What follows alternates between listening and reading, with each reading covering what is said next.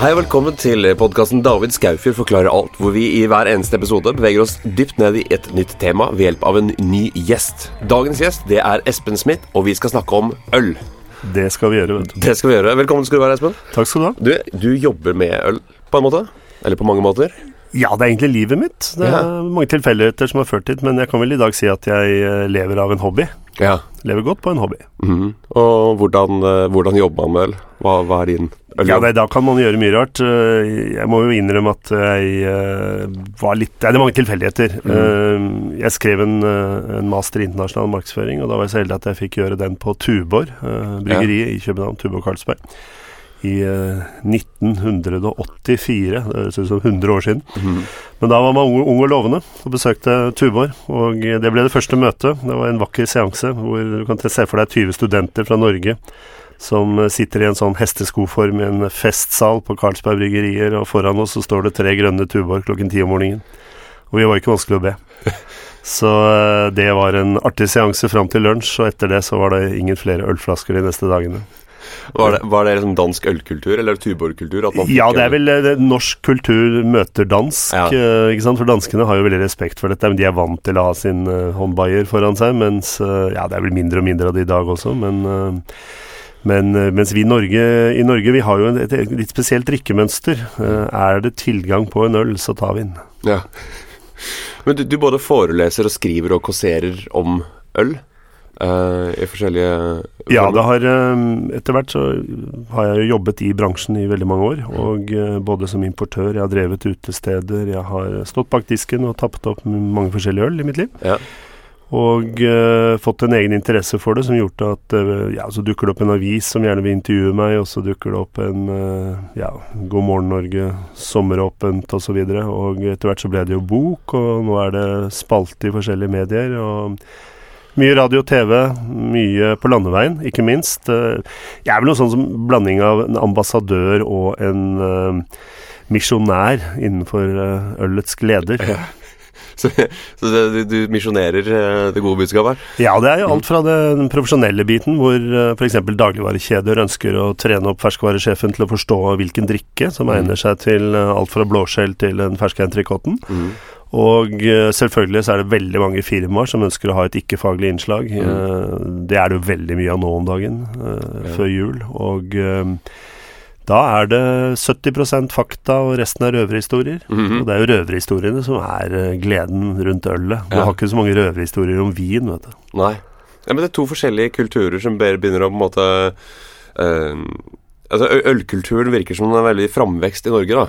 Ja, det har skjedd, det er egentlig ikke bare i Norge, det har skjedd over hele Europa. fordi hvis vi ser på etter, etterkrigstiden, så øh, var det jo det lyse, lette industrielle lagerølet som utviklet seg mer og mer. Det oppsto for så vidt allerede på industrialiseringen, og, og man har jo da lært seg metoder å gjøre ø- ølet renere, enklere, lettere, kanskje det har blitt mindre og mindre smak. øh, Folk drikker litt Man fokuserer på volum. Mhm.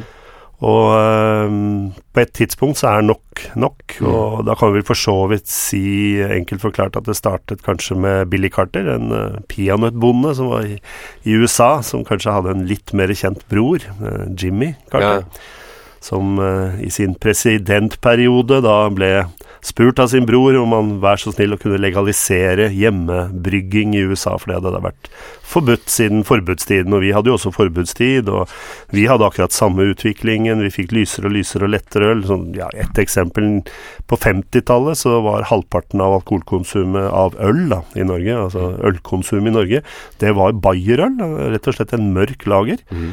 Og bare 25% var lys lager pilsnerøl, og resten var eh, eksport og bukk og juleølet vårt, ikke minst.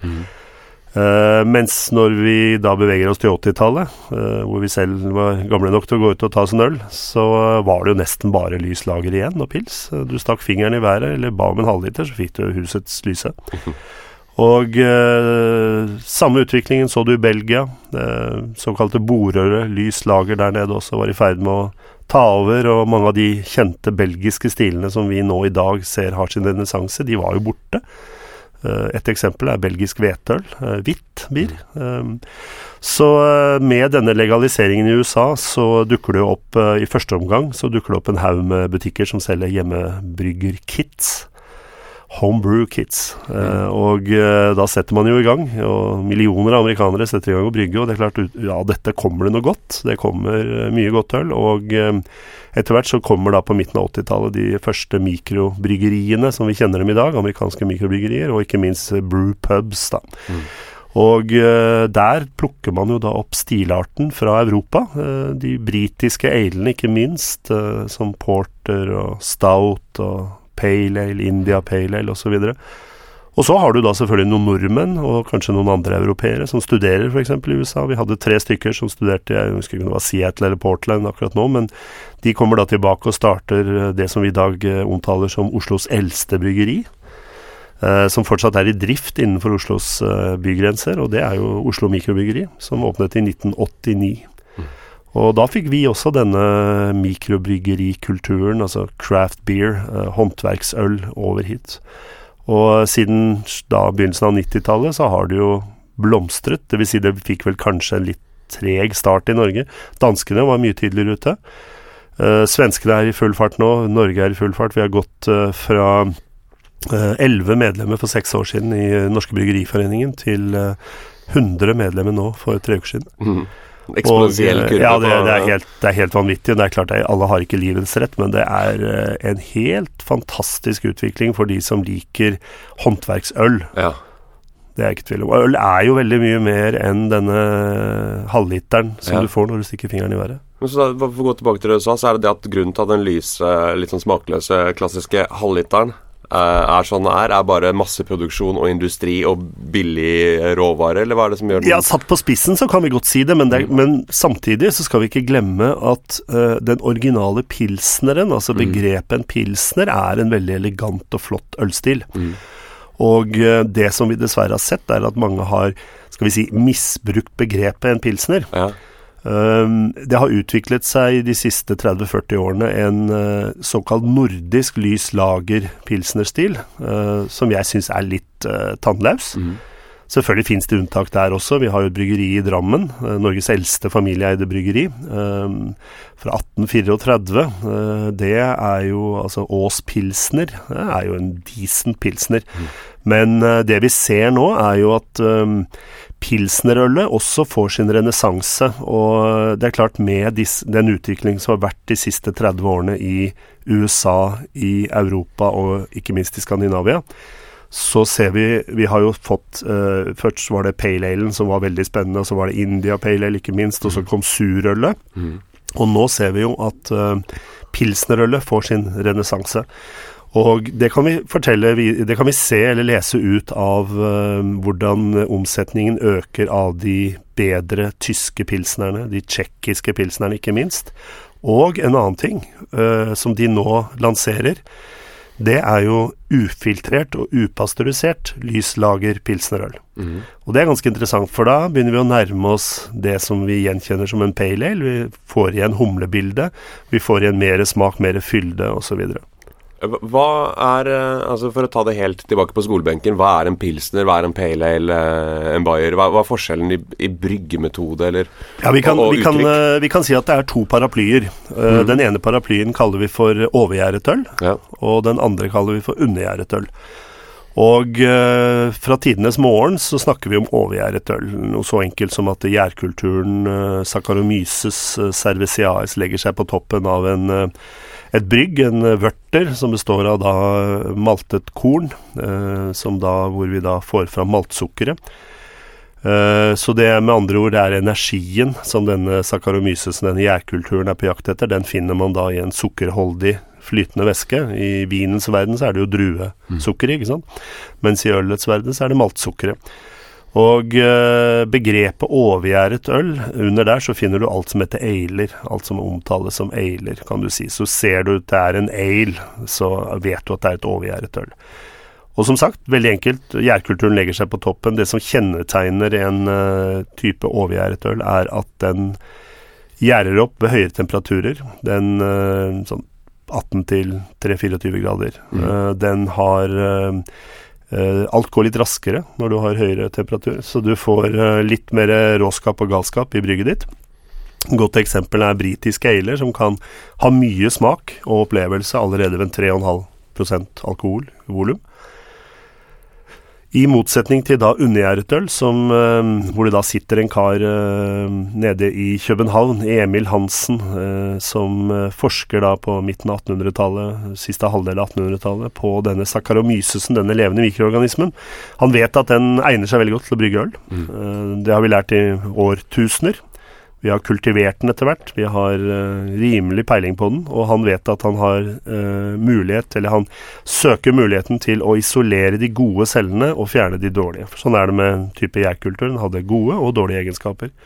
Det greier han, og da får vi denne såkalte undergjæren, som vi omtaler som Saccharomyces carlsbergensis, da, etter at han jobbet da ved laboratoriene til Carlsberg i København. Så han patenterer denne gjærkulturen i 1883. Samtidig så sitter jo Pasteur og uh, gjør sin forskning og kommer fram til pasteuriseringsmetoden, som vi selvfølgelig kjenner fra melkeproduksjon osv. Som selvfølgelig også da uh, blir brukt i ølet, og vi får da denne type lagerøl, fordi undergjæret øl krever en viss form for lagring, en annengangsfermentering.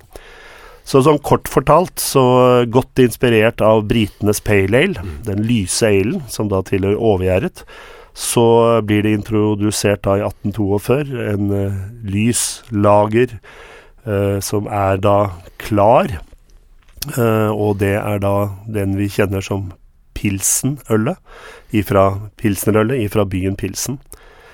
Og den er brygget på bløtt vann. Den er brygget uh, tilsatt uh, sashumle, uh, som er en aristokratisk humletype fra Tsjekkia, Bøhmen. Og det er på en måte blitt veilederen for en klassisk pilsner, mm. pilsnerøl. Så har du selvfølgelig tyske stiler, så har du nord nordeuropeiske, skandinaviske, så har du internasjonal lys, premium lager, pilsner osv. En rekke kategorier. Men fellesnevneren er at det jeg kaller for blårussen, har jo lekt seg med denne klassen. For det er klart, her er det volum. Det er fortsatt 95 av uh, verdens eller ølkonsum er uh, lys, lager, pilsner. Ja. Og uh, det gjør jo at her ligger volumet, her ligger inntektene. Og det er klart, fjerner du Greier du å kutte litt i utgiftene på råvarer, litt mindre malt, litt mindre humle Får du norsk sommerøl, f.eks., mm. det er jo et godt eksempel. Eller en type amerikansk Budwiser osv. Ja. Det er litt sånn Det blir veldig lett å drikke. Det lesker i en varm dag, men ikke noe mer. Det smaker ingenting. Og nå vil folk ha smaken tilbake. Mm. Har nordmenn fått mer peiling? Er, øl, er nordmenn uh, eh, utdanna? Har de peiling på øl? Nordmenn er nok uh, generelt uh, litt nysgjerrige. Mm.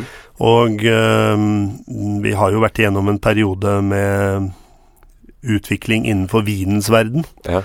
Eh, når jeg var uh, ung og lovende og uh, på 80-tallet studerte, så var det ikke rare utvalget. Det var rød og hvit.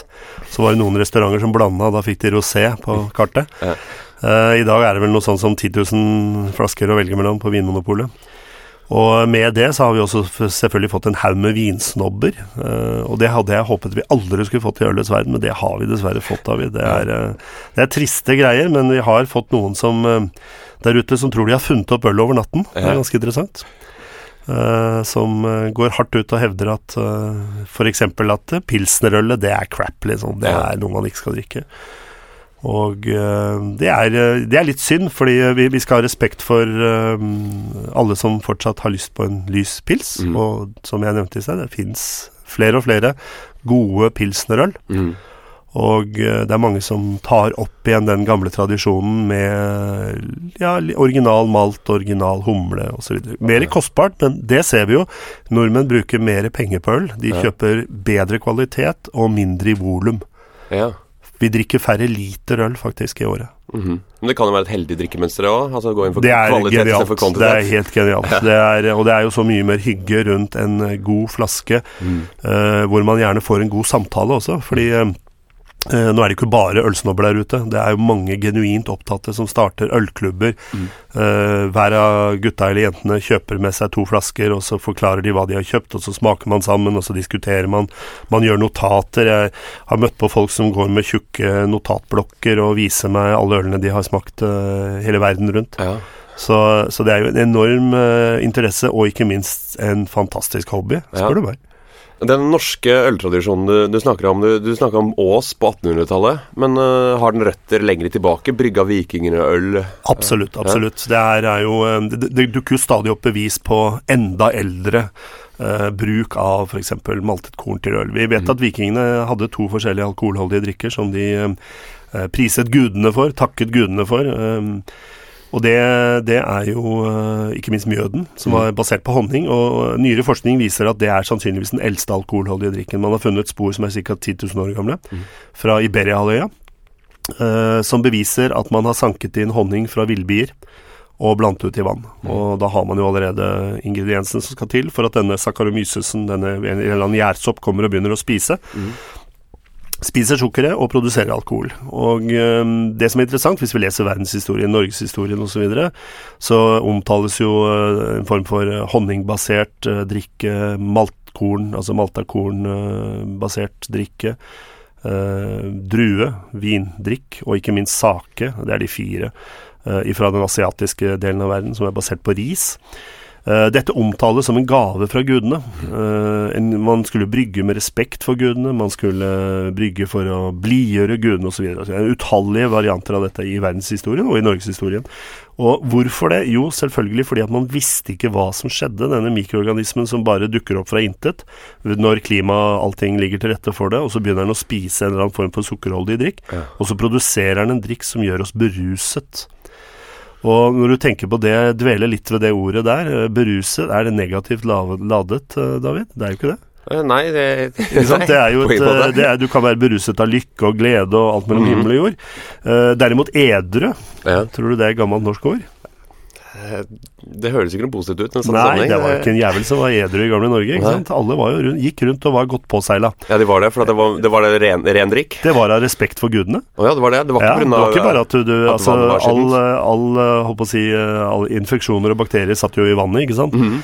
uh, var i hvert fall en grusom kilde Ja. gjennom årtusener eller århundrer. Og um, derimot, når man da brygget et øl, så har man jo lange kokeprosesser, og så Ja. har man kanskje oppi ingredienser. Og det er også veldig viktig å uh, reflektere over at de som tror at rosmarin og timian og hvitløk kom til Norge på 70-tallet sammen med italiensk pizza, Ja. så er det også grusomt feil. ikke sant? Fordi uh, vi hadde jo veldig stor kunnskap om bl.a. timian, rosmarin, det ble brukt i ølbrygging, Porsch, johannesurt, som er naturmedisins lykkepille. Ja. Vi vet at vikingene hadde et øl som de omtaler som elskovsøl, eller kjærlighetsøl, og det var brygget på cannabis. På cannabis. Så, så det er ikke tvil om at uh, man hadde kunnskaper. Og uh, det samme skjedde jo i utviklingen av brennevin også. Norske akevitten. Aqua hvite, livets vann. Ja. Kurerer alt på det innvortes og utvortes, mm. visstnok. Mm. Og det er klart, det er jo da brygg som eh, og destillater som er tilsatt alt som kommer opp av bakken. eh, som man lærte seg kunnskapene til. Mm. Og etter hvert så forsto man også hva denne uh, gjærkulturen gjorde. Og da begynner vi å finne oppskrifter på øl, og det er faktisk ikke mer enn 500-600 år gamle, de reelle oppskriftene som man faktisk kan brygge etter i dag. Så pale ale er ikke ny Nei, altså Pale Ale er ikke ny i Norge. Den, eh, jeg leste også, det var noen her som av disse beer geeksene våre som Ja. hadde uttalt at Pale Ale som kom til Norge først på 2000-tallet. Eh, da kan jeg jo fortelle at f.eks. Stasjon bryggeri på Hamar hadde i 1794 sin største eksport av Pale Ale til uh, av alle steder Peru i Syd-Amerika. Mhm. Så Norge var kjent for uh, godt øl. Uh, kanskje pga. vi hadde rent vann, uh, vi hadde gode, med, dyktige bryggere. Ja. Gjerne utdannet i Tyskland. Vi lærte veldig mange av tyskerne på 1700-1800-tallet. Uh, vi lærte mye av dem. Vi lærte bl.a. å erstatte mye av byggmalten med mais. Og der, alle de som da sverger til renhetsloven, der ble de litt lei seg, tenker jeg. Mm. Fordi tyskerne var de som lærte oss å bruke mais uh, som en energikilde. Rimeligere og booster alkoholopptaket. Mhm.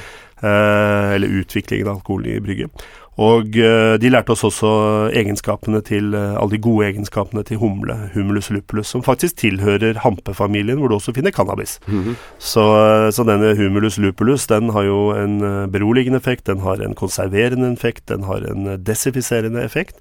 Og da må vi ikke glemme at øl er ferskvare, og man hadde dårlig med kjølelagre og kjøleskap og kjølekonteinere den tiden. Så da gjaldt det jo å, å eh, konservere ølet bl.a. ved hjelp av mye humle. Og derav denne eh, begrepet f.eks. en pale ale, en India pale ale, man sendte til koloniene sine, ikke sant, eh, britene på 1750- til 1800-tallet. Fullasta skip med pale ale, Ja. og ekstra mye humle oppi, så skal det visstnok ha blitt til en India pale ale. Mange morsomme historier der ute, og jeg kan fortelle at jeg har vel en vegg som er full av ølfakta på alle språk. Ja. Og så er jeg en vegg til som motbeviser alle ølfaktaene jeg har på den andre veggen. Så det er, det er bare en glede. Det er bare å smøre på, så vil folk tro på det. Ja, Kanskje det mytologien rundt øl er like viktig som uh, selve brygga av og til? Det tror jeg, og, og det er jo som uh, Altså, det, det merker jeg når jeg er på landeveien. Når du kommer til Stavanger, så er det Viking og tau som gjelder, ikke sant. Ja. Nå har riktignok tau tapt seg eh, i og med at eh, vi, eh, Ringnes kjøpte det opp og la det ned. Mhm. Så det brygges jo nå på Gjelleråsen, og folk i Stavanger er ikke så Rogalendingene er ikke så glad for dette. her. De har jo fått Lervik. Så Lervik har jo vunnet Ja. det store. Så det er klart, men, men alle har sin mening. Jeg har vokst opp med Frydlund og Skaus, og jeg må innrømme at når jeg har vært ute og reist og kommer tilbake til Oslo og går ned på lokale puben, så tar jeg meg gjerne en Frydenlund-pils. Ja. Eh, Ikke fordi det er det beste, ikke fordi at eh,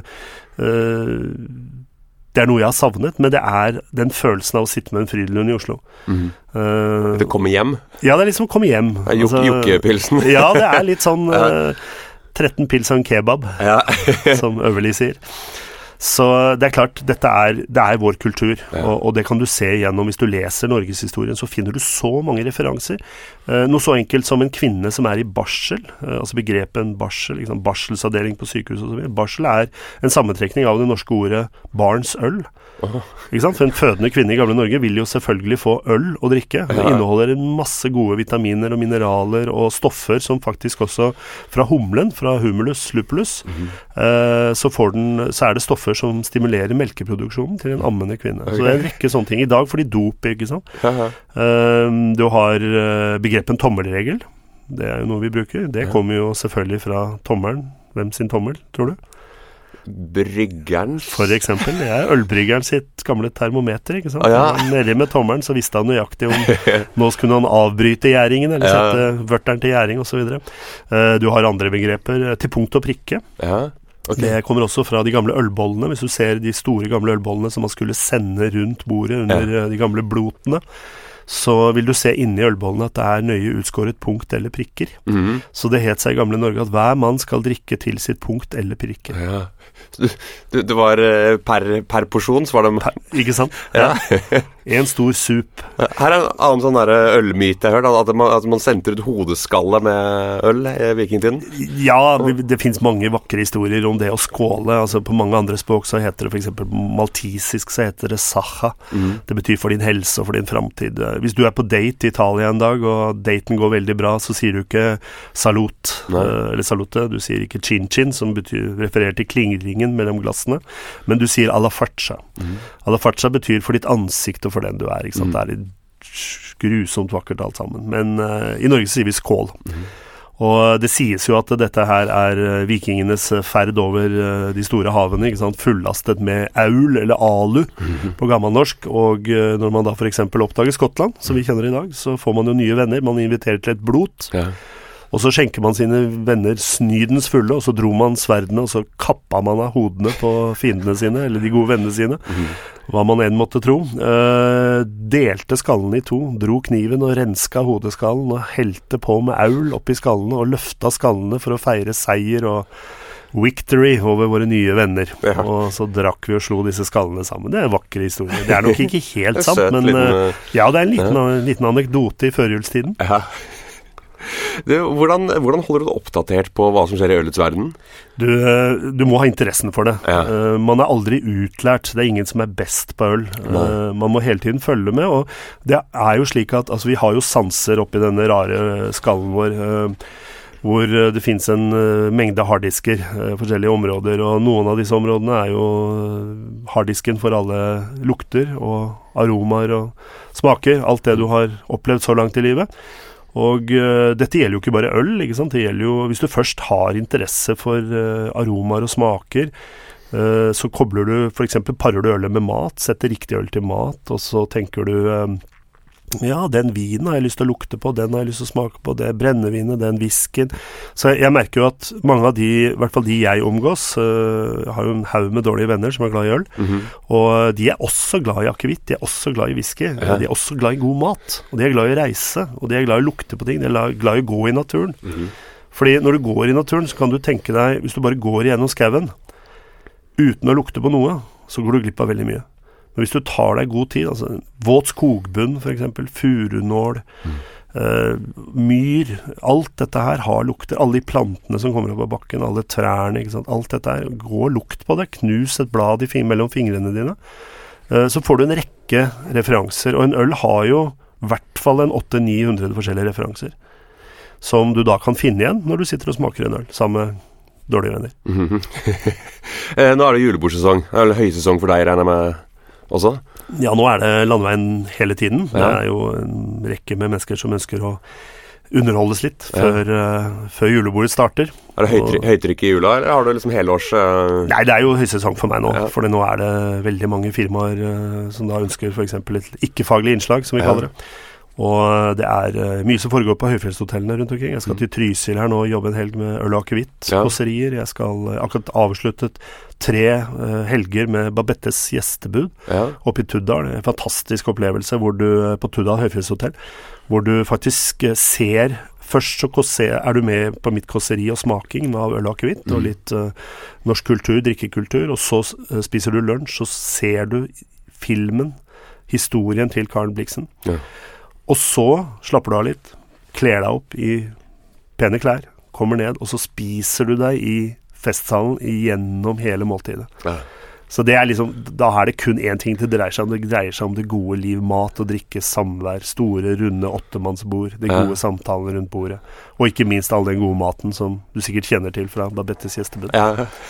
Så eh, det er høysesong, definitivt. Det er klart det er litt roligere for meg i juli måned. Da da, da, liker jeg å ligge i en fluktstol med en paraplydrink. Ja.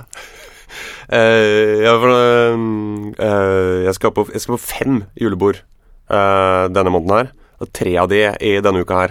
Så da får jeg prøvd alt som er av julemat. Men har du anbefaling til juleøl? Jeg bør drikke til de her forskjellige ja, Hvis du skal på tre stykker på én ja. uke, så vil jeg jo krydre av det med litt alkoholfritt. Da. Jeg tenkte du skulle spørre om det også. Underveis. Fordi mm. det er klart Jeg ser jo det. Og jeg, på å si, eh, jeg går i den samme fellen noen ganger, jeg også. Det er jo veldig fristende med en liten akevitt før maten, og ja. det er jo ikke da du skal ta den. Nei. Uh, men når sjefen betaler, vet du, uh så uh, er det bonger i baren. Da er det tre akevitter før maten, og da er du jo tapt. Så mm. nei, man skal ha respekt for Altså, ikke glemme å spise, og det er jo det som er Maten på bordet er viktig. Mm. Og når du f.eks. spiser da ribbe, som er, kan være ganske fet, den blir magrere og magrere, syns jeg, hvert år. Uh, pinnekjøttet, fårefett, det er mm. jævlig fett, ikke sant. Da må du ha et løsemiddel. Da må du ha et godt øl. Mm. Uh, har du røkt pinnekjøtt f.eks., så bør du ha litt ekstra fruktig sødme i ølet. Ja. For det veldig, harmonerer veldig godt med røktonene.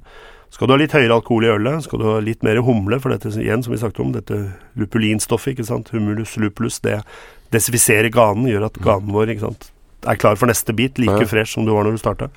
Og så må du selvfølgelig kose deg med en god akevitt som egner seg ved siden av. Gjerne med samme sødmebilde osv. Så, videre. ja. så det er jo kosen, vi må ikke glemme det. Det er ikke det at bongene er gratis. Nei. Uh, og så er det jo lurt å kjøre på med Nå fins det gode alkoholfri øl der ute. Ja. Uh, det det fins noen som kaller seg for Sankta Klausthaler, f.eks. Ja. Uh, som er alkoholfritt. Det er Munkholm vet jeg har et alkoholfritt juleøl. Men så har du jo også helårs alkoholfri øl, som hvetølene f.eks. Uh, sånn som Paulaner alkoholfrei, Erdinger alkoholfrei, disse tyske hvetølene. Det er veldig gode alternativer. Er det fullverdig øl, syns du? Ja, absolutt. Og så er det så grusomt mye bedre enn Coca-Cola. Ja. For det, det, er det verste jeg ser. Når jeg ser Nei takk, jeg kjører, jeg, så jeg tar en cola. Ja det er altså det, det, smaker kun godt ved siden av en hamburger på Haro kafé i Chicago. Ingen andre steder. Den er god. Du, hvor kan man lese mer om, uh, om eh, øl, og hvor kan man uh, lære mer av deg? Nei, da, altså, da, Det første man må gjøre, er altså løpe ned alle bokhandlene og spørre etter bøkene mine. Ja. Og det er klart den siste som nå egner seg om, eller som dreier seg om øl det er jo Espens ølsafari. Mm -hmm. En reise i 14 byer i Europa, og det er jo en gledens rundreise. Mm -hmm. uh, jeg tror faktisk bokhandlerne har hatt litt problemer med å skjønne hva slags bok dette er, for de har dyttet den inn i uh, ølhyllene, altså Ja. mat- og drikkehyller. Uh, men det er en bok som faktisk inspirerer til å reise Ja. i ølets fotspor, fordi at det er fotspor etter øl i hele verden. Og det fins ikke minst i Europa, og jeg har valgt 14 av mine favorittbyer. eh, hvor jeg presenterer det lokale ølet, men også sammen med den lokale maten. Du kan til og med finne matoppskrifter, så du kan lage maten selv hjemme før du drar, og ikke minst etter at du kommer hjem. Mm. Og eh, så drikker du lokalt, og så spiser du lokalt, og så sitter du på den lokale kneipen, og så kommer du i prat med de lokale menneskene, lokalbefolkningen, og da er du innafor. ja. Og da får du en helt annen opplevelse enn om du sitter på eh, Grand Place i Brussel eller på Piazza Navona i, i Italia med en Carlsberg og en hamburger. Eller en cola, Ja. måtte Gud forby. Eller Starbucks. Eller Starbucks. Ja. ikke sant? Da, da har du ikke vært på tur. Da har du ikke vært i Roma. Du har ikke vært i Brussel. ikke sant? Så, så det er egentlig en gledens uh, inspirasjon. Eh, en reisebok i godt øl og Men ellers er jeg jo akkurat ute med en akevittbok. eh, fra Aalborg til Æger. Liten reisebok, det også, egentlig. Ja. Men da er det reiser i smaker. 126 akevitter. Testet jeg i sommer. Oi. Det er en fin sommerjobb. Ja, er fin Fantastisk sommerjobb. Ja. Sitte helt stille og rolig og drikke 126 flasker med ak- akevitt. Det er eh, Spytter du noen- Ja, du spytter. Du spytter veldig mye, men det hjelper ikke hvor mye du spytter, fordi at sansene dine er uh, i høygir. Mm. Sånn at uh, uansett når du smaker og jeg, jeg sitter jo ofte som internasjonal dommer uh, på øl. Mm. Og da er vi gjerne Ja, sist gang var, vi, var det 750 øl på bordet. 60 internasjonale dommere. Som da dømmer fra ni om morgenen til ett hver dag. Hvorfor på morgenen? Fordi da er sansene våre på det beste. Mhm. Og eh, etter Altså når du kommer til lunsj, da er du dødssliten. Det Ja. er verre enn å gå på sats etter tre år når du ikke har vært der Ja. tidligere. Så eh, det er eh, Du bruker sansene dine veldig sterkt. Og selv om du spytter, det er ikke noe problem å spytte øl heller, så blir du sliten. Du blir sliten Ja. i hodet. Og Og fokus ja, så hender det at det er noe som smaker ekstra godt, og da svelger vi det. Ja, ikke sant. Hvor kan man bestille kåserier eh, eller eh, få en prat med deg? Ja, da løp meg ned på sosiale medier. Det er Mhm. veldig lett å finne meg, Espen Smith. Eh, Jeg setter veldig pris på å få beskjeder på Facebook, meldinger. Jeg har en egen nettside som heter espensmith.com. Mm. Så det er bare å google meg, og jeg tar imot ris og ros. Tusen takk for at du kunne komme. Takk skal du ha, David. Takk for at jeg fikk komme. David Skaufjord forklarer alt produseres hos både og, med Charlotte Trolin bak spakene. Husk å like siden vår, David Skaufjord forklarer alt, på Facebook. Her kan du også komme med innspill, ønske om tema osv., og, så videre, og du må også gjerne legge igjen en rating eller kommentar på iTunes om du ønsker det. Det var alt for denne gang. Vi høres neste uke. Produsert av Ordet